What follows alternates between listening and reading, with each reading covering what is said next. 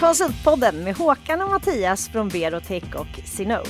Äntligen en podd för dig i konsultbranschen. Vi är i en bransch som genomgår stora förändringar och det finns massor att snacka om. Häng med oss! Alright, Håkan, Konsultpodden avsnitt 7. Äntligen! Tiden går fort. Tiden går Ja. fort. Hur är livet? Det är bra. Eh, har packat väskan, ska åka till Industrimässan i Malmö imorgon och hålla föredrag.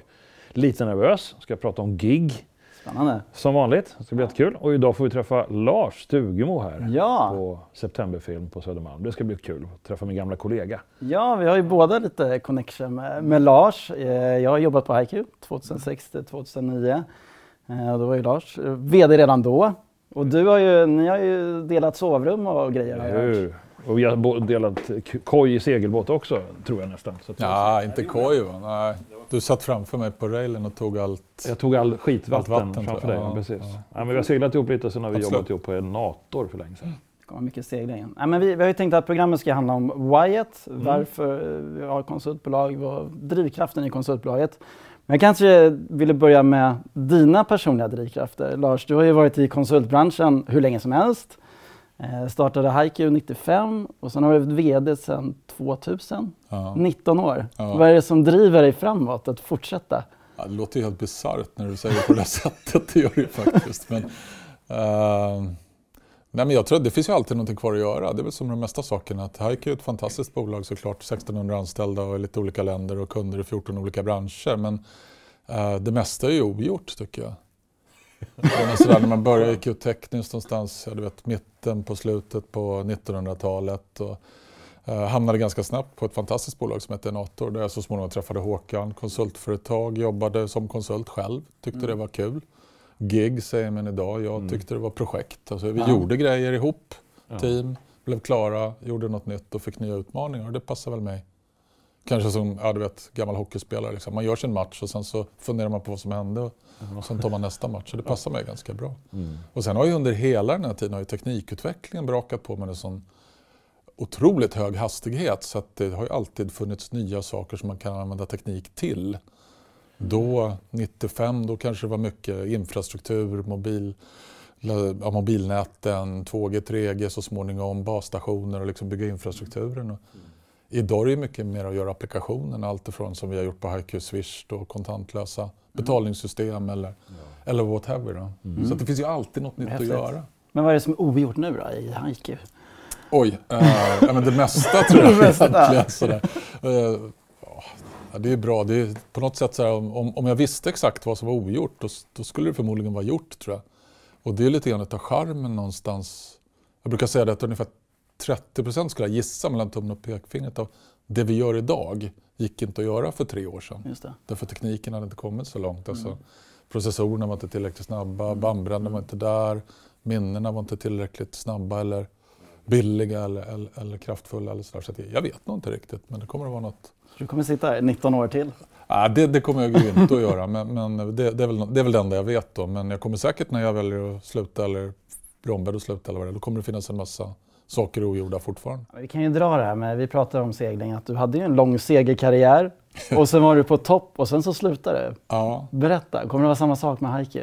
Kommer du sluta när du känner att Sluta på nu är topp. Ehm, nej, men- seglingen visst, jag höll på att segla sedan jag var liten. Det var ju stora passionen sådär och såg mig alltid som seglare som också höll på med företag på något sätt. Då. Sen hade vi det här Trimaran-projektet, om det, det är det du refererar Ja, till tror jag. precis. Och så vann vi, var först i mål och det var väl lite så här coolt att vara först i mål på Gotland runt totalt efter att ha seglat två varv runt Gotland. Det här är 2008. Och då tror jag att jag bara kände, ja men det är världens bästa båt. Det går inte att göra det här bättre. Jag kommer aldrig, ja men jag gör något annat. Sådär. Och det är klart att jag kan känna att hike är ju fantastiskt. Och, men, nej, men där finns det ju mer grejer Ja, kvar Det finns mera öar att segla eh, runt. Ja, det tror och jag. är det? Det, tror jag. Och det är väl, tycker jag är väldigt roligt, jag menar, alltså från när vi campade ihop på Ja. 90-talet på Enator, liksom, vad använder man teknik till? Och idag, jag, som sagt, jag sa att vi har kunder i 15 plus olika branscher och alla kunder är ju IT eller teknik eller tech eller vad vi nu väljer att kalla det. Det är ju en sån otroligt central del av affären nu och affären framåt. Ja. ja, det var ju någon som sa Det- det kommer ju aldrig gå så långsamt som det gör nu. Så är det precis. Det, det är ett annat sätt att se Ja, på det. Ja, det. Och jag tycker det är fantastiskt. Det är ju superkul. Men om vi går tillbaka lite till, till whyet och kulturen och värderingar. Haiku är verkligen sett som stora stjärnan inom den här kulturen och jag vet ju själv att det är en extremt stark kultur inom haiku. Hur, hur tänkte ni när ni har, hur ni har jobbat med kulturen på haiku? Hur tänkte ni när Ja, du ni jobbade startade? på Haiku? Ja, jag har gjort det. Ja, vad tyckte du om kulturen? Nej, men jag, tyckte det, jag kom in där direkt från högskolan och fick en verkligen kickstart. Mm. Eh, Jag fick sitta också vid kontoret, internprojekt. Eh, Nej, men det, var ju, det, var ju, det var ju helt fantastiskt faktiskt. Mm. Man lärde sig väldigt mycket och stor gemenskap, alla hjälpte varandra. Mm. Eh, Så att, ja, nej, men det, fanns, det finns en grej där tror jag. Mm. Ja, men det är roligt att höra och det, det, så där blir man glad, eller jag blir glad. Uh, ja, men då får man nog backa till när vi, när vi satte igång Haiku. Jag var ju med några stycken som startade Haiku 95 då i, i Stockholm. Och vi hade väl inget why, det tycker inte jag att vi hade. Utan, eller så hade vi det, för vi tänkte nog bara att ja, men, det här borde vi kunna göra bättre än vad alla andra har gjort. Sådär. Vi hade en idé om konsultverksamhet och massa bra erfarenheter från, från andra bolag. Jag hade jobbat på ett annat bolag efter Nator. Och så hade vi en ganska bestämd uppfattning, det här vill vi göra. På det här sättet liksom. Så att vi hamnade rätt snabbt i, ja men lite lata brukar jag säga då, jag och mina polare. Så att jag vet att Ken, som min kamrat hette, heter fortfarande då, han sa, du vet Lars, vi kommer anställa en massa bra människor och de är förmodligen bättre än vad du och jag är. Sådär, och de vill inte ha instruktioner för vad de ska göra utan kan, de, kan vi jobba ihop på något sätt i team, ett bolag med tydliga värderingar som är sunda så kommer vi ge guidelines. Så det är nog den, alltså, inte nog, utan det är den verkliga historien och sanningen till hur vi startade Haiku. Sen ville vi vara bäst. Mm. Och det kommer nog tillbaka till personligheter, drivkrafter. Alltså var, varför vill man segla Gotland runt och komma sjua sådär? Det är väl klart Nej. att man vill vinna någonstans. Det känns som ni gav väldigt mycket ansvar också till personalen Ja. och många fick Ja. ta nya steg och nya Ja. karriärsvägar. Ja, men mycket, mycket, mycket medvetet någonstans. Där. Anst- Anställer man bra folk så ger de en spelplan, en sandbox eller någonting så kommer det där oftast att bli bra. Mm. Och sen är det klart att det där blir en utmaning när vi växer och blir större så att man behöver vara lite mer aligned på något sätt. Men jag, jag tycker att om man kopplar det till det här med teknikutvecklingen så vi gör ju på Hike idag saker som, som vi inte hade någon aning om för fyra år sedan igen att man kunde göra. Men vi försöker ändå att vara samma typ av bolag som vi var för många år sedan. Alltså att ha värderingar som är sunda. ehm, och det, det är inget konstigt. Liksom. Nej. Att vi funderar på resultat, ansvar, enkelhet och glädje. Det är väl rimligt. Mm. är Helt tydliga värderingar. Ja, men eller hur. Man vill väl eh, göra bra resultat i sitt projekt hos kunden. Och det är klart att vi tar ansvar för varandra i teamet och för kundens Mm. utmaningar. Och Precis. Försöka göra saker och ting enklare. Och så. Jag tycker man känner igen den här den kulturen du och jag delade på Enator. är Gissar jag finns lite DNA-strängar i även i Haiku. Likväl som det Oh ja. bolaget jag driver idag. Man Ja. plockar med sig några takter här och Så är där. det. Så Jag plockat jag är inte så förvånad att det, det, det du står för, det vi hör om Haiku, ja men det kan nog kännas igen Mm. från tidigare liv. Och så har ni extrapolerat och gjort det ännu Mm, bättre förstås. mm. Det, Men men det här det var nog en väldigt stark drivkraft liksom, från, från Ken, och Ragnar, och Hans och Rolf och mig. Att nej, men vi vill göra det här bra. Då. Ja, det är klart. Inte bara göra sådär Okej. också. Nej, men jag vet Ken sa allt det där. Ja, men fan Lars, man vill ju inte vara som VM-data fast mindre. Liksom. Vad är det för positionering? Eh, och och då, var, då såg vi upp väldigt mycket till VM-data ska jag säga. Då. Men det var inte den bilden man ville ha. Utan då ville man väl hellre vara som, som VM-data fast bättre. Sådär. och det har nog varit en drivkraft. ja. Ehm, och så lyckas man ibland och ibland lyckas man inte. Men det är kul, det är kul att höra att du hade en bra tid på hike. Det är en fantastisk plantskola. Jag, det är jättemånga verkligen från Haiku som har gått vidare också, som jag själv har gjort. ja, precis. Och vi har haft eh, också tidigare gäster här. Eh, Så det känns som en plantskola också som har Mm. fostrat ent- entreprenörer. Så det får du väl också vara stolt över tycker Mm. jag. Men du sa att ni kanske inte hade haft något why, eller det fanns inte från början. Men nu, de här lite yngre som söker sig till anställningar tycker jag pratar mycket mer om syfte än om värderingar. Eller om företagskultur. Men någonstans är det, s- i Högre min värld är det ganska lika saker. Men har ni, har ni, något, Mm. har ni definierat något why? Nej, men dels det där why fanns ju inte som begrepp när vi startade hike. Utan det är väl om jag har förstått det där rätt så är det väl Simon Sinek Ja. som Mm. paketerade den här modellen. med- Och som egentligen är en kommunikationsmodell. Va? Why, Ja. Mm. the how, Ja, the what. Så att det kan väl hjälpa oss att prata i, i, i saker. Men eh, jag vet inte, jag tycker det här whyet, ibland blir det för mycket diskussioner om why. Vad är vårt why? För att jag Mm. tycker att det måste ju också vara äkta. Det måste ju komma inifrån. Mm. Annars blir det ju som att ja, men sätta läppstift på en gorilla. Liksom. Man ser att det där är ju bara påklistrat. Ja, why precis. då. Precis. och utan att recensera andra eller någonting. Jag vet ju bara hur vi har gjort och vad vi har. Och sen är det klart att när vi upptäcker att teknikutvecklingen gör att vi blir relevanta för vi kan teknik i finansbranschen, i fordonsbranschen, hos myndigheter och så vidare. Och vi upptäcker att det vi gör bygger ett bättre samhälle som är enklare för oss som bor här. Det blir lite roligare och sådär. Då tycker vi att vi gör stor nytta, Ja, vilket vi ju gör. Då, Då är det lätt att åka till jobbet. Ja, då är det Ja. lätt att åka Men då är det ett syfte. Egentligen. För ni, gör väl, ni säger väl någonstans att ni, gör, ni ska göra teknik förståeligare för alla? Eller något? Eh, Ja, vi, har alltså, vi, jag är ju religiöst övertygad om liksom att vägen framåt i världen, det är att bygga en bättre värld med hjälp av teknik. Teknologi, det är det som kommer att lösa alla energiproblemen och vad vi nu har för utmaningar. Eh, ingenting annat då. Och det är ju väldigt skönt att vara ett bolag som Haiku och, ni också, där vi är Det är en bra position. Ja, men eller hur? Ja. Man har ju jättestor, både till viss del ett ansvar men också en möjlighet att, att påverka. Visst. Och det tror jag att eh, jag upplever nog inte så jättemycket att alla unga kommer och säger att det är det jag vill ha. Däremot så blir de ju väldigt glada när de upptäcker att ja, men du vet, de kanske har suttit och programmerat hemma idag sedan de var åtta år. Kan man komma in i ett sammanhang någonstans där man gör någonting som gör skillnad. Då betyder det att det jag har med mig till bordet eller till projektet, det spelar någon verklig skillnad. Ja, visst. Så, så, så tycker jag att det Ja. fall. Schysst. Men, Mm. ja. Men du har ju varit i konsultbranschen superlänge. Hur, hur har du uppfattat? Det är en ganska f- stora förändringar som har skett. Mm, hur tänker du då? Nej, men vi, eh, vi har ju konsultmäklarna kanske. Mm. Vi har mycket samarbetspartner nu. Det är eh, gig economy brukar jag prata om. Ja. Eh, hur känner du att det har förändrats konsultbranschen när vi säljer konsulttjänster? Och Mm. Du kanske inte känner att det är någon större förändring? Jo, men det är ju liksom, det är en kontinuerlig utveckling som har varit hela tiden. Det är klart att när jag började på, på Enator, då, ett fantastiskt bolag i slutet på 80-talet någon gång, då, då visste man väl inte riktigt vad ett konsultföretag var. Det fanns inte så många konsultföretag. Ehm, jag gillar det som sagt för att jag gillar, jag fick göra projekt så man blir klar någon gång. Mm. Och sen får man göra någonting nytt. Och så Man blir kan man bockla av. Ja, men Mm. jag, jag tycker det är schysst så. Sätt upp ett mål. Liksom. Första perioden, andra perioden, tredje perioden klar. Prova något nytt. Så, och det är nog Håkan, Ja, jag känner du var inte helt olika det där tror jag. Ja, nej, jag är exakt likadan. Eller hur? Man seglar, man tar ett race och sen så, jaha, det, det gick sådär, vad ska vi göra annorlunda då? Precis. Så startar nästa race och så får man prova Mm. på.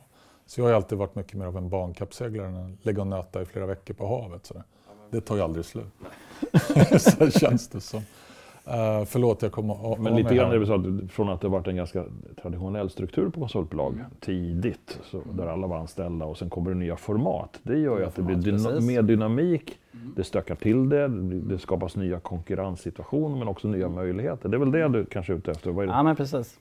En hel del där liksom. Mm. Jag tror så här, om man tar big picture så har konsult, alltså antalet människor idag i Sverige som jobbar i någon typ av konsultverksamhet ökar ju stadigt. Ja. Och, och så har det ju varit i, i ja, 100 år, är väl att ta det, men, men länge. Det finns det ju professorer på KTH som berättar för mig att det, så är det. Alltså, går du ut på tekniskt så börjar du på ett konsultföretag, en tredjedel tror jag, senast jag hörde det, det kan vara mer idag. Du börjar på Taiku eller du börjar på en, eh, någon annan typ av konsultliknande firma. Det behöver inte vara en teknikkonsult, kan vara, eller en, en IT-konsult, det kan vara en teknikkonsult, en byggkonsult eller har du gått på Handels kanske du börjar på en revisionsfirma. Ja, men precis. Så att hela, hela den setupen ökar ju då. då.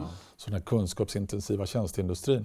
Sen hände det ju när jag jobbade som konsult, eh, när jag jobbade var anställd på, på Enator, då fanns det ju giggare också. Det fanns ju enmanskonsulter. Precis. Man pratar inte så mycket om dem, Nej. utan de fanns där. Utan det som jag upplevde, precis, det som jag upplevde hände uh, IT-telekomkraschen då som kom våren 2001. Att då konsoliderades ju mycket av de här enmanskonsulterna under paraplyföretag, alltså mäklerier. Då, då. Och sen har det där blivit en, en normalt inslag i liksom, våra kunders sourcing-strategi. På gott och ont kanske. Ja, jag tror att det är, på, det är som det är. Så man Det är behöver inte värdera det, Det är det ju som det det, vadå, det. idag är det sol. Ja, Ja. Härligt. Imorgon regnar det. Ja, härligt. Det är ju så det är. Man får ju anpassa sig. Vad tror du om framtiden då? Kommer vi... Jag tror den kommer att vara fantastisk. Ja, Ja. det tror jag också. Jag håller med dig med teknik. Jag tror det är det som kommer lösa. ja, men hur ska det annars Det gå? liksom? Det går ju inte att backa in i medeltiden. Nej, nej, nej. sätt. Nej. Det, det, Men tror vi får... Vi har ju en, ett... så bara säga förlåt, Ja. det, det är stora frågor med energiförsörjning och Ja. eh, vad händer i Kina och vad har de egentligen för ambitioner eller inte och sådär. Mm. Men det är väl en annan podd antar jag. Ja, men Ja, det det är ju en podd, podd. Kommer Sverige vara helt... Vi kommer vara vid sidan av. Nej, det tror jag inte. Nej, Det tror jag inte. Det tror jag inte. inte Kina tar över. Nej. Nej. Spännande. Jag hörde nu, för du, var, du hade varit i Kina. Ja, ganska ja, just nyligen. det. Jag är ju medlem i IVA, Ingenjörsvetenskapsakademin. Så är har varit de här glad och stolt för det. häftiga, Precis. häftiga städerna. Så vi var i Hongkong och i Shenzhen med det här som kallas för Royal Technology Mission. Då Men blir du inte så överväldigad av Kina? Jo men det blir man. Så fort man kommer till ett nytt ställe så blir det ju otroligt mycket intryck. Så att det, och så får man, ska man ju vara medveten om att man får ju alltid säljpitchen sådär. Alla är, de det vet ju att... Det är riggat lite. Ja men Ja. så är det ju. Det här ska vi säga, det är samma budskap och så kontrasterande mot en viss oförmåga i, i vårt kära Sverige då att, att ta beslut i tid. Och vet man att under tid, den tiden så har de fattat tio ganska avgörande beslut i, i, i där borta då. Eh, Men sen får man väl komma hem och reflektera lite grann på vad man har sett. Var står Sverige? Var står Norden? Var står Europa? Som är viktigt, så man kan ju zooma ut om man just har den frågan och fundera Kina, USA, Europa kanske mer än Shenzhen, Stockholm. Sådär. Så man måste nog ta ett lite större... Och då kan man väl konstatera att i Sverige har vi ju fantastisk tradition av att vara export, duktiga på export. Vi har fantastiska globala företag. Ericsson har väl funnits i Kina sedan 1893. Och är det så pass? Ish. Ja. Oj. Jag har säkert fel på något Mm. år. Så det, och många av de här, eller alla är ju liksom våra kunder och vi jobbar ju tillsammans ganska nära i partnerships och är med och utvecklar teknik och produkter och tjänster. Och sen har vi en del komparativa fördelar än så länge, i alla fall i Norden, att vi är ett samhälle där vi litar på varandra. Det är öppet, det är trust. Det tror jag är Vi är duktiga på att jobba tillsammans med varandra. Där Ja, inte men minst, till, tilliten tror jag är Ja, superviktig. tilliten är jätteviktig och, och den måste man vara väldigt mån om i min uppfattning och värna. Och sen så har vi ju, ja, men ingen kan göra någonting själv i ett sånt här liten region utan vi måste ju jobba tillsammans och där är ju vi, som jag tycker då, eh, konsult eller kunskapsintensiv tjänsteindustri som de säger professorerna, eller konsultföretagen, vi är ju en del i hela systemet med Precis. universitet, högskolor, industriföretag, tjänsteföretag. Och Ja, men det är som ju i en någon blodomlopp som Ja, till skapar bryggor emellan Mm. alla dessa. Men vi har ju pratat om utbildning här och... För det var en tanke jag hade nu, Mm. liksom, Mm. som du sa Lars här för en liten stund sedan om att om vi visste för fyra år sedan vad vi gör nu, då hade ja, ja, det är ganska det är en snabb process. Hur jobbar du? Och tänker ni på kompetensutveckling som är liksom en, en issue i det stora perspektivet när många arbetstillfällen kommer bytas ut mot helt nya som vi inte vet vilka de är, sägs det ju. Och ni, ni är ju en del av det. Ja, ja. Vi är en del av det också. Ja. Hur, hur, hur får ni ihop den grejen med kompetensutveckling på HiQ? Ja, men kompetensutveckling är väl dels så finns det ju en problemsida med den som är att det är för få som väljer att läsa till ingenjörer. Mm. Sådär, generellt Allmänna, sett. yes. Det, det tycker jag att det är. Ja. Och, och den har ju, vi på HiQ kan ju påverka den så tillvida att vi kan synliggöra vad våra ingenjörer gör. Om det nu är ett Swish eller ett Carpay eller Som lockar upplevelserestaurangen i Lego. Ja det. men precis, så säger man wow, om jag har gått det där då får jag göra sådana där äh, sköna grejer då. Ja. Det är ju rena, men sen måste ju vi se till att vi har en skola, universitet och högskola i världsklass Ja. i Sverige eller i Norden då, om man tar det perspektivet, eller Europa för den delen. Uh, och den, den kanske inte jag känner direkt mig ansvarig för. sådär. Men vi är beroende av Ja, den. verkligen beroende. Ja. Om man tar vår egen kompetensutveckling på Haiku så tycker jag det handlar om att ha riktigt krångliga kunder. Mm. Det, är ju liksom det är det. bästa. Jag menar jobba med kunder som sätter Ja, ja. krav. Precis. Så då tvingas vi ju vara på tårna hela tiden. Ja, den är bra. Och jobba med saker som det inte spelar någon roll om det är klart på måndag eller på fredag. Det är ju inte så stimulerande sådär, utan det ska gärna tycker jag vara lite. Lite edgigt ja. Ja, det tycker jag. Mm. Så det är nog, och så har vi på Haiku jobbat sen, sen vi startade. Vi jobbar med svåra saker hos kunder som ställer höga krav. Det är då vi lär Den är oss. bra. Jag, Så jag tar vi vidare till nästa kund. Ja, Mm. Vi har ju en vision också med den här podden. Det är ju liksom att få tillbaka den här expertstämpeln på, på konsulten. Vi, vi tycker att det kanske blir lite urvattnat i, kanske framförallt i Sverige. Det är lite så här bemanning, konsult och så vidare. Hur, hur gör vi? Får vi tillbaka konsultrollen som experten på, på det Vi, mesta? mötte, vi pratade ju med Lars här på lunchen där vi pratade om värde, att höjas i värdekedjan. Där du kanske Ja. var lite, inte motståndare till det, men du har, du har en, kanske en annan ingångsvinkel på det. Mm. Och det här med att höja statusen kanske också har en riktning om att vi ska göra svårare saker, ta större, göra större skillnad. Ja, vad tänker du Lars där kring? Ja, men det är väl lite, lite olika. För dels tycker jag att ibland så använder vi, eh, eller jobbar vi ihop med kunder med någonting som är riktigt svårt. Det tycker jag är en förutsättning egentligen, att vi behövs. Mm. Eh, och gärna någonting där vår kund har bråttom. Då är nog vi som bäst. Och då är det liksom en kvalitet i sig. Sen finns det ju teoretikerna som säger att man måste klättra i värdekedjan och det är väl den kanske Ja, det var det som vi pratade om på lunchen. Ja, men jag kanske utmanar den lite grann därför att det blir ju... Vad då klättra? Det är samma sak som att säga att det vi gör inte... Du jobbade med test va? Ja, för länge sedan. Ja, det Yes. tycker jag är fantastiskt. Mm. Alltså, jag har gjort det själv och jag Mm. tycker det är så Ja. superbra. Det är jättemycket värde i det. Eh, det är ju inte så att man ska lämna det av någon anledning för att det är dåligt, utan Nej. det är så att man ska utveckla sig och göra någonting annat också. Mm. Och till syvende och sist så handlar det om att vara relevant för vår kund mm. imorgon. Mm. Därför att våra kunder har ju andra utmaningar imorgon än vad de hade igår och idag. Sådär, man, affärsmodellerna förändras, man säljer inte bara en produkt längre utan man säljer en eller man utvecklar en uppkopplad produkt som blir en del i, av en tjänst kanske. Mm. Mm. Och att vara relevant och förstå helheten där. Mm. Det tror jag är det viktiga. Så att för Heike har det inneburit att idag jobbar vi med teknik såklart. Det är vårt DNA, det är vår kärna. Mm. Vi jobbar ju också med det som är affären. För teknik är liksom inte mm. till för teknik tycker nej, jag. Utan det ska vara en affär eller ja. mänsklighetens tjänst så, så, mm. som IVA säger då, vilket är bra. Och sen så måste man ju se till att den här tekniklösningen och affären är paketerad på ett sätt som, som vi människor ja, lustfyllt använder. Då, då. Så de tre sakerna, och där var vi inte 95. Mm. Då var det bara teknik. Sådär. Ja, precis. Ja, det där med människan, det är ju så här konstiga reklambyråer som håller på med det. Yes. För att fråga vilket djur man är och, och sådär. Det där fattar ja, vi inte. Vi jobbar med tekniken. Ja, Men idag hänger det här ihop. Ska man göra ett Swish så måste det ju vara... Tekniken måste ju funka. Ja. Det måste vara och kunderna och, kanske inte ens vet vilket problem de ska lösa. Sant. Mm. Nej, det är, det är rätt sant faktiskt. Ja. Ja, det är intressant. Jag vet inte om du svarar på frågan. Ja, jag kan ändå känna att ibland har jag själv, om man har dåligt självförtroende, hamnat i den här bemanningslådan. Det är liksom, man jämför oss med skruv och mutter när kanske inköp försöker tvinga in oss i någon form av systematik för att värdera oss jämfört med andra. Mm. Då kan jag tycka att jag vill bli rebell igen och liksom ta tillbaka begreppet konsult som för mig var någon förr i tiden någon person i vit rock med räknestickan i fickan.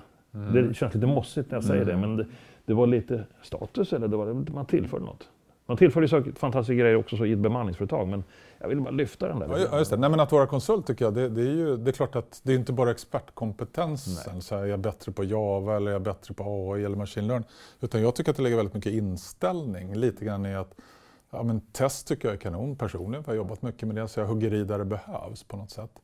Så att, ja, men det är en vill... attitydfråga? Ja, viljan, ja. attityden och inställningen. Och när jag jobbade på på Ericsson där när vi gjorde basstationen, eller jag var med en liten del av det eh, och tyckte det var fantastiskt. Det var ju väldigt många där som var alltså extrema experter på global nivå, liksom, signalbehandling och sånt där. Precis. Och det var det de ville vara riktigt bra på. Jag kände ju mer att jag vill jag behöver inte bli bäst på, på, på liksom de där grejerna, utan jag tycker att den här attityden, inställningen, jobba ihop och få ihop någonting, det driver mig mera framåt. Och vi gjorde ju bra jobb tillsammans, mm. så på något sätt behövs ju alla i, i teamet. Ja, och där tycker jag är någonting i konsultjobberiet. Men det kanske liksom man lyfter där till ett samhällsperspektiv. Så är det så att det är inte mycket som känns så himla bråttom i Sverige eller sådär. Överhuvudtaget då. Nej. Jag bara lämnar den där. Ja. Men för att gå tillbaka till det här med, med, företagskulturen och ni anställer många härliga människor likväl som vi försöker göra det. det blir mm. mycket. Hur, hur lyckas ni föda in den här kulturen? Jag menar, du jobbar ju inte direkt kanske med alla konsulterna längre, mm. men hur, hur, gör du och hur gör ni för att liksom sprida... Få drivkraften i konsulten? Ja. Ja, jag tror dels är det så att vi, vi jobbade hårt för det här med värderingar har vi jobbat med sedan 95. För drygt tio år sedan så bestämde jag mig för att värderingar är bra men vi behöver ha en gemensam inte mm. värdegrund, för det tycker jag har blivit någonting annat i Sverige, då, utan gemensamma värderingar som vi kan stå för. Vi står för resultat, ansvar, enkelhet och glädje. Resultat vill man göra i sitt projekt. Mm. Våra aktieägare är intresserade av att vi levererar resultat. Ja. Jag tror att jag som individ vill liksom bidra i projektet också och så vidare. Då. Jaha, då kan man ju bestämma det på någon sorts molnfri höjd där Stugemo sitter och susar runt. Ja, hur tar man det vidare? Ja, precis. Um, och då är det bara att inse att om vi är idag lite drygt 1600 anställda på 14 kontor så, så, måste man jobba med nästa ledarskapsnivå. Mm. Och det vi har gjort är att jobba väldigt aktivt med ledarna så att vi har en gemensam ledarfilosofi mm. som är byggd på våra värderingar. Mm. Ja. Och där är jag ju med på alla de grundutbildningarna. Då, ja, för det är ju verktyget att nå så småningom till konsulterna. Mm. För ni rekryterar väl ofta ledare internt? Ganska mycket, ja. Så var det i alla fall ja, min, min tid. Ja, ja. Jo, så är det. Och, och det, är, det är ett sånt tänk? 60-40 70-30 ah, någonstans okay. där. Det tror jag. Jag tycker det är viktigt att fylla på med lite ja, nya, ja, självklart. nytt syre också. Då. Nej men visst är det så. Och, och, och det är lite tar den här Sen kulturen. är det här, det är ju som Ja, men det, det, vet, det är som en sån här gammal ros, raspig stenkaka. Det tar ju aldrig slut att jobba med värderingarna. Nej. Och det jag har upptäckt, väldigt många kan ju prata om våra värderingar, men vad betyder det där egentligen? Mm. Och det att ta göra steget från resultat, okej okay, vad betyder det för, för mig Lars då? Eller vad betyder det för, mm. för oss som mm. team? Och ansvar, vad betyder det konkret du i projektet? Du måste sätta dig egna ord ifrån ja. till var du kommer från själv. Och där mm. blir ju den intressanta diskussionen som jag tycker är väldigt viktig, att vi tar oss tiden till att reflektera på vad betyder det här? Ja. Följa upp det ibland. Precis. Ta in nya, okej, okay, så här, hur, då formas ju gruppen eller teamet eller Lite företaget. Om, ja. eller, mm. Mm. Uh, så det tror jag, jag vet inte om det är något enkelt svar, men det, Nej, men det är, det, så. Det är så vi Ständigt gnetande. Du, får, du blir trött på din egen röst ibland. Absolut, ja. hela tiden. Ja. 19 år. Vilket man kanske inte tror här nu när jag inser att jag pratar rätt men, men vi är inte tröttnat än dagen, Nej. det är lugnt. Nej. Ja. Men jag vet inte, det är väl så här, det finns ju ingen genväg till den perfekta kulturen. Nej, nej. Sen tycker jag det finns Många blandar ihop företagskultur med sociala aktiviteter. Vi har sån mm. härlig företagskultur. Ja, vadå då? Med fika klockan tre varje fredag. Ja, men det är ju bra fester. Ja, det har vi också och det är en del av vår kultur. Ja. Sådär. Men det är ju inte det som är vår företagskultur. Utan jag tror att speciellt i ett företag där vi inte träffar våra anställda dagligen mm. så är ju företagskulturen det som baserat på sunda värderingar håller ihop företaget. Då. Ja, precis. Och det är det som liksom blir motorn i ett sånt här bolag. Mm. Därför blir det så viktigt att våra lokaler är till för de som inte är på kontoret. Yeah. Mm. Alla våra aktiviteter är tilltänkta så att det passar för konsulterna som inte alltid är på kontoret. Ja, och att orka göra det jobbet. Mm. Och det är ganska tungt faktiskt. Ja, det är tungt. Men roligt. Men det är väl det här som blir viktigt nu. Det är, som sagt, det är enkelt att starta eget, det är enkelt ja. att starta nya konsultbolag. Men det gäller ju att få den här kulturen och kanske whyet och kanske också ett högre syfte ibland som konsultbolag för att bli attraktiv som arbetsgivare. Håller du med att det, att det blir ännu mer viktigt? Jag vet inte. Det där, jag är kanske lite kontroversiell. Dels så tycker jag så att de flesta unga som kommer ut de vill ha en bra lön, de vill ha ett kul jobb, göra spännande saker och ha sköna kollegor. Så där. Det är grundförutsättningarna. Förändra världen, men det kanske alltid har varit. Ja, men det blir en konsekvens av att börjar du på Hike och sen så, så, så, får du bra betalt. Du får, du får vara på en skön fest, det vet du. Och du har kollegor som delar med sig, är generösa. Mm. Och det kommer inte av sig självt, utan det är en kultur vi måste bygga. Mm. Sen kommer du att jobba i projekt. Och alla projekt är ju inte ett Swish-projekt, men alla mm. projekt gör skillnad för världen på riktigt. Mm. Mm. Alltså om vi är med och utvecklar lastbilar som inte krockar och som kan köra av sig själva. Ja, det är färre som dör, vi drar mindre bränsle, däcken sparas, bromsbelägg och allting och det här sliter ju mindre på planeten också. Då förbättrar vi världen. Ja, precis. Så det. det blir konsekvensen av det mm. vi gör och jag ser ingen annan väg framåt mm. än att det, det är ju det är så det måste fungera. Ja, och kunskapsdelning tror jag är verkligen en nyckel. Mm. Vi hade ett, träffade din gamla kollega Bosse Ringdahl. Han ja. pratar jättemycket om, om kunskapsdelning. Det ja, det. det är verkligen en nyckel när man är attrahera rätt konsulter. Mm. De som är duktiga på att ja, dela med sig. Bosse är klok och insiktsfull. Nej, absolut. Eh, vi måste börja gå till det här, ta betalt. Vi, vi är fast i timdebitering och så vidare. Vi har pratat alltid om att kunna ta betalt på andra sätt. Och projekt, fastpris, ta betalt per värde. Mm. Är det här, kommer vi någonsin lyckas gå vidare eller kanske inte ens ska det? kanske ska vara ta betalt per timme. Försöker ni lyfta er affär? Försöker ni ta betalt per värde ibland? Ja, ibland, men det, jag vet inte, så här, pris och affärsmodeller det bestämmer ju inte HiQ. Utan det bestämmer ju HiQ, våra konkurrenter och alla våra kunder. Och idag har det har blivit, i Sverige är ju väldigt mycket timprisland, på gott och på ont. Mm.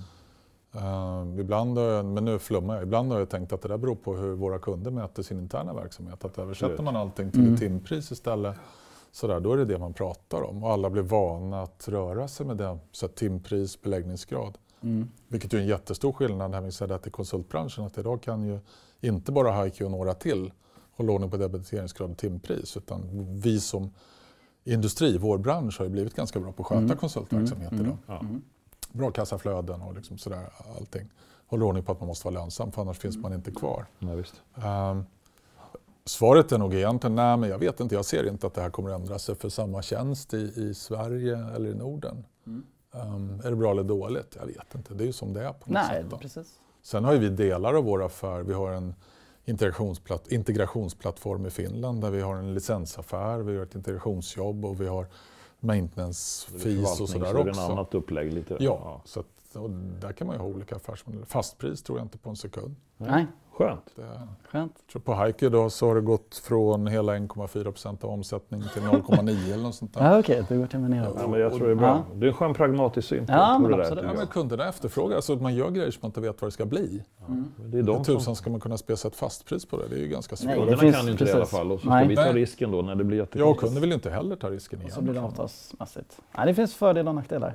Så är det. Men du Lars, nu är det går fort att ha kul att sitta och snacka så här. Det är en liten kort stund kvar. En, en sista fråga från mig i alla fall. Det är, har du något tips på någon eh, gäst som du skulle tycka skulle kunna berika den här podden? Så tar vi gärna emot det. Mm. Vill du ha det här och nu? Eller? Absolut. Ja, men om ni vill, jag vet inte, det beror på vad man vill ha. Liksom. Erik Giertz på KTH tycker jag är fantastisk att prata om uppväxten och, och, och hur konsultbranschen har kommit till. Ja. Om man är intresserad av en historisk djupgrävning då, så Mm. hur det funkar i svenska samhället. Är man mer nyfiken på nya teknologier och vad som ska komma framåt så kan jag säkert eh, hitta någon på Haiku som kan, Ja. Mm. kan det. Så, att, Men det kan vara det beror lite grann på vad man är ute efter. det kan det hitta sin historia, eller branschens historia. Det kan vara Vill ni prata med någon som har skön vilja och inställning tycker jag ni ska prata med Dregen. Ja. Som är vår favoritkonsult som jag själv använder till våra rockband. Och, Just det. Ja. Ja. men Dregen han kommer ju ner så här i replokalen med våra band. Vi har ju 14 egna band på Ja. Eller någonting. Då. Och så går han ner och så är det någon konsult som frågar, du fan Dregen, ja.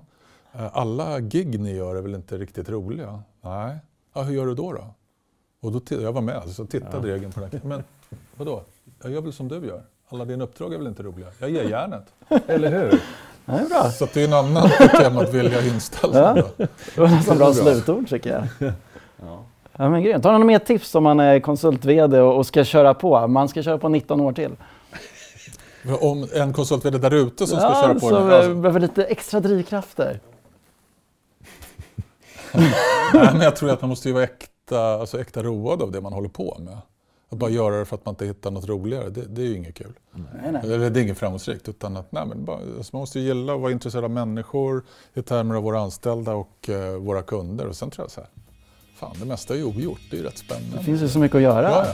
Den nyfikenheten ska vi ta med oss. Ja, verkligen. Stort tack Lars för att du Stort var med. Ja, Tack. tack. Vad roligt att, att få vara här. Och, Ja. eh, Jättekul. att träffa er.